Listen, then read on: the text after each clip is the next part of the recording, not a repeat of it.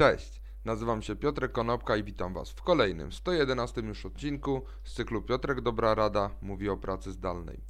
Dzisiaj podsumuję kulturę organizacyjną i zastanowimy się nad tym, jak można w ogóle tą kulturę organizacyjną w pracy zdalnej wdrażać. Przez ostatnie dwa odcinki mówiłem o tych elementach, które są widoczne jak artefakty, jak i o podstawowych założeniach kultury organizacyjnej, które są raczej niewidoczne. Natomiast jeżeli teraz mamy taki moment w życiu każdej organizacji, gdzie pracownicy zastanawiają się nad tym, że jeżeli mogą pracować zewsząd, to właściwie skąd y, mogą pracować, to jest dla nich dostępny cały świat, poza oczywiście ograniczeniami wynikającymi z pandemii. Gdy takie olbrzymie firmy jak na przykład Twitter mówią o tym, że właściwie będzie można pracować zdalnie z domu właściwie już e, na czas nieokreślony, to warto się zastanowić nad tym, jakie to ma przełożenie na kulturę organizacyjną. Zdajemy sobie sprawę z tego, że wdrożenie narzędzia czy wdrożenie procedury jest rozwiązaniem dosyć prostym, czy relatywnie prostym, natomiast zmiana kultury organizacyjnej jest rozwiązaniem trudnym czy bardziej czasochłonnym, czy bardziej energochłonnym. A ponieważ firmy, które ustawiły sobie procesy cyfrowe, które ustawiły sobie procesy zdalne, szybciej umieją przyzwyczaić się do tego, że ich pracownicy pracują nie z biura, a z domu. Oczywiście pojawiają się pewnego rodzaju zagrożenia związane z tym, że pracownicy na przykład czują się oderwani od swoich zespołów, a nowi pracownicy nie integrują się tak mocno z, ze swoimi zespołami, jak to było do tej pory. Ale należy sobie postawić takie pytanie, czy to nie jest szansa strategiczna na to, żeby w ogóle wdrożyć kulturę organizacyjną od początku, ponieważ kultura organizacyjna nie buduje się sama, budują ją ludzie, I zwłaszcza jeżeli ci ludzie będą pracowali na zewnątrz biura, to jest to proces, który warto rozważyć z takiego nawet strategicznego poziomu organizacji. Jakie trzy kroki czy trzy obszary warto rozważyć w trakcie budowy kultury organizacyjnej, tak żeby ta kultura była pozytywnie odbierana?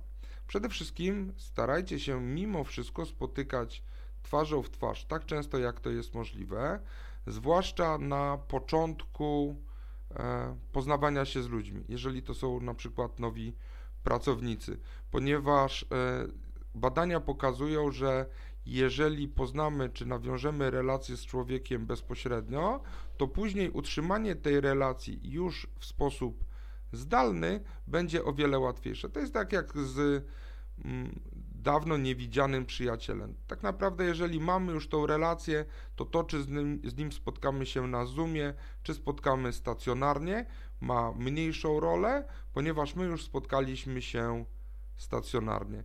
Natomiast jeżeli chcemy zbudować przyjaźń tylko poprzez relacje zdalne, to już jest ciężej.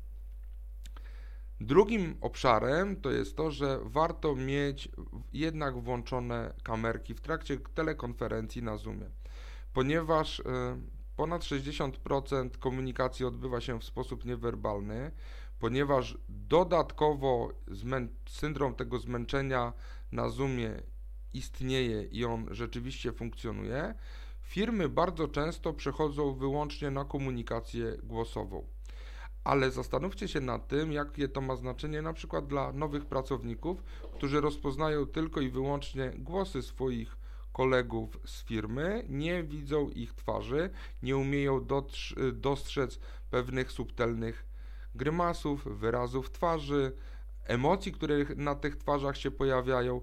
Natomiast kultura jest, kultura organizacyjna jest, czy wiedza na jej temat jest zdobywana poprzez przykładanie uwagi poprzez obserwowanie takich niewielkich subtelności. Jeżeli dorastamy w ramach pewnej kultury, to my się tej kultury uczymy. Zauważamy to, na co inni zwracają uwagę i dostrzegamy też to, na co inni tej uwagi nie zwracają. Także dołóżmy starań do tego, żeby jednak ta komunikacja w trakcie budowy kultury organizacyjnej na nowo odbywała się także z wykorzystaniem obrazu. I trzeci, taki dosyć istotny obszar to należy być bezpośrednim, a później należy ten przekaz tylko wzmacniać. Kultura jest często, tak jak już wspomniałem, czymś, czego doświadczamy raczej niż e, jest intencjonalnie budowane, ponieważ my to czujemy, obserwujemy, natomiast ciężko nam jest powiedzieć, jaką postawę chcemy wdrożyć, jak tą postawę należy wdrożyć. Natomiast e, zespoły zdalne i ich liderzy muszą umieć zidentyfikować pewne wzorce, pewne pożądane wzorce zachowań i interakcji, e, muszą je oznajmić, bo często jest tak, że ludzie ich nie dostrzegają, a później e, te osoby zarządzające powinny tak często doprowadzać do korzystania czy używania danego wzorca, aż on się stanie nawykiem, rutyną, aż wejdzie w krew pracownikowi i aż wejdzie w obieg tej kultury organizacyjnej wewnątrz firmy.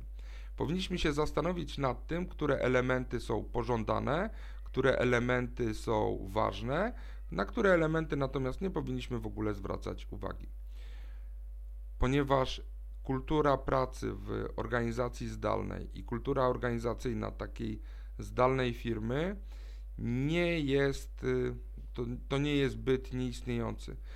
Po to, że my tej kultury nie widzimy, to, że my jej nie dostrzegamy, przynajmniej dzisiaj, może być dopiero początkiem drogi, ponieważ zdalna praca nie likwiduje kultury, zdalna praca tak naprawdę tą kulturę przed nami odkrywa, bo musimy zacząć o niej otwarcie mówić. Dzięki serdeczne, do zobaczenia i usłyszenia jutro. Na razie.